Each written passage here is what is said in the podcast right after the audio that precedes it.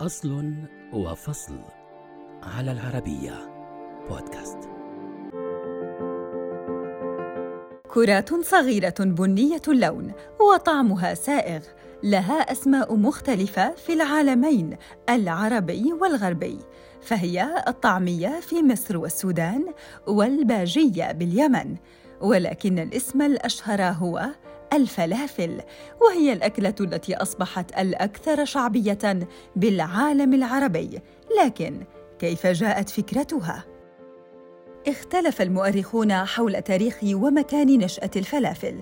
ففيما اقترح البعض أن الأقباط تناولوها كطبق صيامي مفضل فإن هناك ما يؤكد أن كلمة فلافل ليست قبطية. ومع ذلك فقد اتفق على أنها طبق شرق أوسطي طوره المصريون القدماء والدليل هو وجود نقوش للفلافل بمعبد وادي الملوك بالأقصر الذي استخدم ما بين القرنين الحادي عشر والسادس عشر قبل الميلاد حيث تضمنت النقوش طريقة غسل حبوب الفول وإضافة الخضار إليها وكيفية قليها.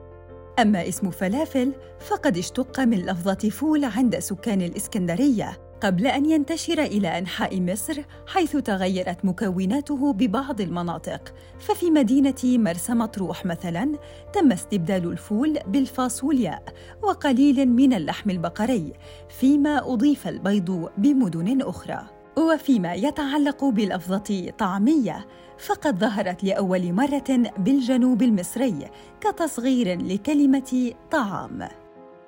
انتقلت ثقافة الفلافل للدول المجاورة وأصبح جزءاً من التراث الشعبي للمدن مثل عكا التي سميت بأم الفلافل حيث كانت تصنع الفلافل بفلسطين من الحمص أو البازلاء وباليمن من الفاصولياء والبصل والدقيق وغيرها وسميت الباجية.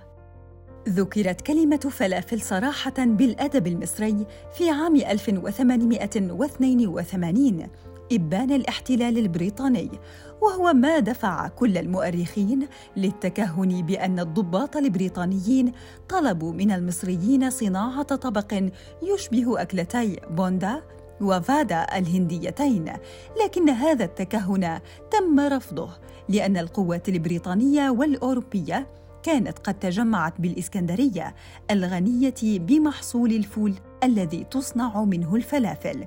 وبالتالي فقد عرف البريطانيون الفول من الإسكندرية وليس العكس. بعد فترة وجيزة من الحرب العالمية الأولى وصلت الفلافل إلى سوريا ولبنان لكن الشاميين استبدلوا الفول والفاصوليا بالحمص وفيما أصبحت حلب قبلة لعشاق هذا الطبق الشعبي. شهد لبنان افتتاح أول مطعم للفلافل في عام 1933 في عام 1961 كانت هناك محاولات يهودية لنسب الفلافل لليهود والادعاء بأنها بدأت باليمن وهو ما اعتبره العرب محاولة لطمس الهوية العربية بفلسطين.